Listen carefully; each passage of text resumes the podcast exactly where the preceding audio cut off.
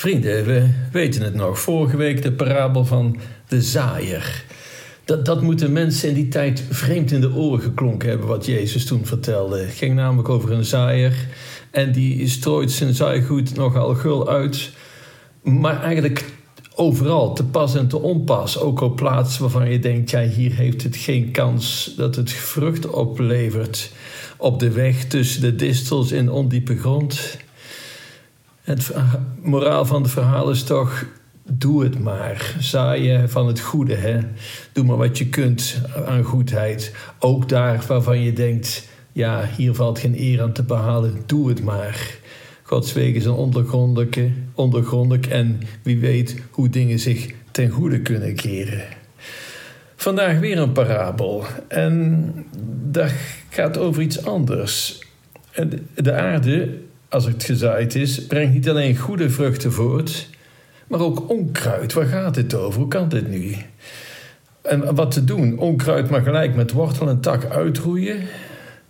Het onkruid, ja, het gaat over de vruchten en over het onkruid, over het goede en het kwade over God en de duivel. Ja, Jezus neemt die bijzonder serieus over. Ik zei, u, weet dat, hè? Het is zijn levensmissie zelfs om de duivel te overwinnen... door altijd en overal het goede te kiezen. Gaat niet vanzelf, het is een hele strijd. Terug naar de parabel van het goede zaad en het onkruid. Um, overigens heeft Matthäus het niet zomaar over onkruid, maar over een soort distels en die lijken verdraaid veel op opschietend onkruid, zodat je het verschil maar moeilijk ziet. In Israël groeit er heel wat van dat vervelende spul. En pas als het rijp is, dan zie je het verschil tussen het tarwe en het onkruidsoort. Wat te doen? Het personeel stelt voor om het onkruid maar meteen flink aan te pakken en uit te roeien. Dat is op zich geen verkeerde gedachte. Rommel is rommel, je kunt er maar vanaf zijn. Maar de eigenaar, de landeigenaar, de baas zegt: nee, laten we het nog maar een tijdje aanzien. Laat het maar samen opgroeien. En bij de oogst zullen we wel het kaf van het koren scheiden, het onkruid verbranden en het tarwe opslaan in de schuur. Jazeker, wederom een verwijzing naar de hemel en de hel.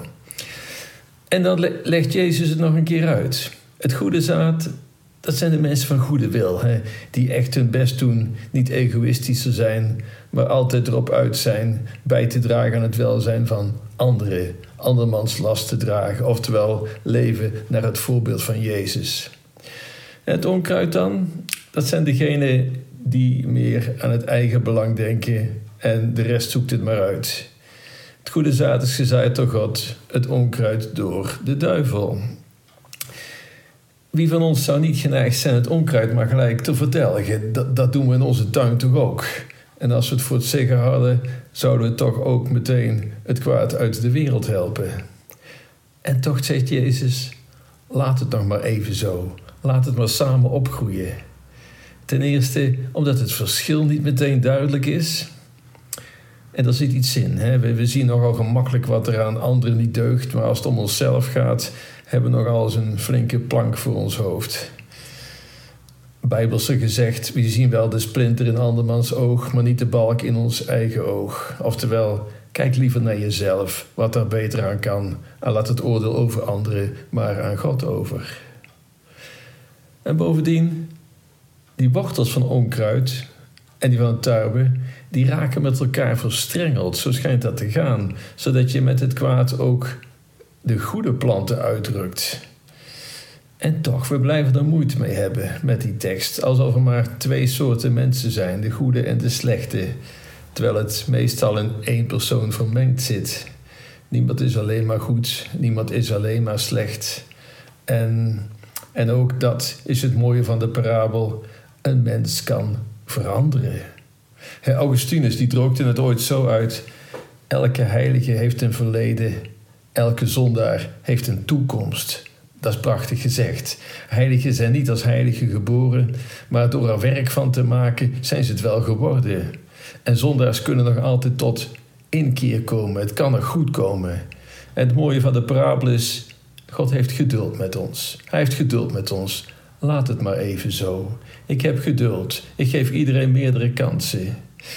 Het eind van het is wel, eens komt de tijd van de oogst en, en dan wordt echt gekeken of je echt je best hebt gedaan om iets van het leven te maken en Jezus na te volgen. Er werd ons maar één vraag gesteld. Dat kennen we uit het andere stukje van de Evangelie. Wat heb je voor anderen gedaan? Alles wat je voor anderen hebt gedaan, heb je voor mij gedaan. Wees welkom. En het andere uiterste is natuurlijk, als je alles wat je voor anderen had kunnen doen, maar niet gedaan hebt, heb je ook voor mij niet gedaan. Ik ken u niet. En de deur gaat dicht. Jezus is buitengewoon serieus als het om dit soort zaken gaat. Waarom? Om de even eenvoudige als kernachtige reden dat wij Hem te harte gaan. En Hij doet er alles voor om ons maar te bewegen de goede weg te bewandelen. Je hoeft geen bioloog te zijn om te weten dat uit onkruid geen tarwe voortkomt. Maar toch, er zijn wel meer dingen in de Bijbel die hopeloos, die uitzichtloos lijken, maar waar het toch tot een ommekeer komt. Dat het uiteindelijk toch goed komt. En dus dat het maar goed is dat het niet meteen uitgeroeid werd. denk aan Petrus, die door Jezus letterlijk keer een struikelsteen wordt genoemd als hij dom egoïstisch voorstel doet. Maar het komt goed met Petrus, we weten het. Jezus wijst hem aan als hoofd van de kerk en geeft hem zelfs een sleutelmacht. Ik zal er nog eens een paar noemen waar het misschien wat minder mee begon en toch goed afliep. Noach, ja, dat was een dronkaard.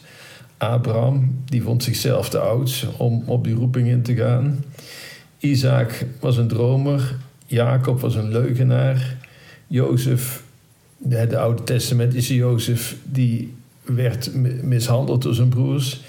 En niet alleen door zijn broers trouwens. Mozes had een stotterprobleem. Gideon was bang. Samson had lang haar en was een versierder. Rahab was een prostituee. Jeremia en Timotheus die waren te jong, vonden ze zelf. David pleegde overspel en was ook nog eens een moordenaar. De profeet Elia was suicidaal. Jona die rende weg van God. Uh, Job ging failliet en kwam op de mesthoop terecht. Petrus, zoals gezegd, verloochende Jezus tot driemaal toe. De leerlingen vielen in slaap terwijl ze geacht werden vurig te bidden. Maakte zich, maakte zich wat druk over van alles en nog wat, behalve over het meest elementaire. De Samaritaanse vrouw was meerdere malen gescheiden. Paulus was een hardliner en Lazarus, die was dood. Matthäus zelf, die deze parabel opgetekend heeft, was bepaald ook geen lievertje. Hij heulde met de vijand en zoog de mensen nog financieel uit, hè, zijn eigen volksgenoten. En die inkomstenbelasting die, die hij uh, hief, die ging naar de vijand toe, naar de Romeinen. Maar na zijn ontmoeting met Jezus, hij werd een ander mens. Jezus had geduld met hen, met allemaal. Dat heeft hij ook met u, met mij. Wees er blij om. Het lijkt een sombere parabel die gaat over hemel en hel en dat je daar niet zomaar belandt in die hemel. Nou ja, daar gaat het ook over, dat is waar. Dat kan angstig stemmen, maar het gaat vooral ook over iets anders. Gods barmachtigheid. Maak daar gebruik van. Hij vraagt twee dingen. Veroordeel anderen niet. Probeer eraan bij te dragen dat het goed komt met die ander. Ja, zelfs je vijanden hebben met uw vijanden. En dan ten tweede, Kijk naar jezelf en probeer eraan bij te dragen dat het daarmee goed komt. En laat het oordeel van anderen over anderen, maar aan, eh, aan God zelf over. God heeft geduld en hij vraagt van ons om dat niet te hebben met onszelf, maar meteen aan het werk te gaan en het goede te doen. Hij vraagt ons wel geduld te hebben met anderen. Dat doet anderen goed, dat doet u goed. En zo wordt het uiteindelijk een prachtig verhaal. Onze lieve Heer gunt iedereen het goede. Hij laat het regenen over goede en slechte. En hij laat de zon opgaan over goede en slechte. En als het over de slechte gaat, wijst niet al te gemakkelijk naar anderen.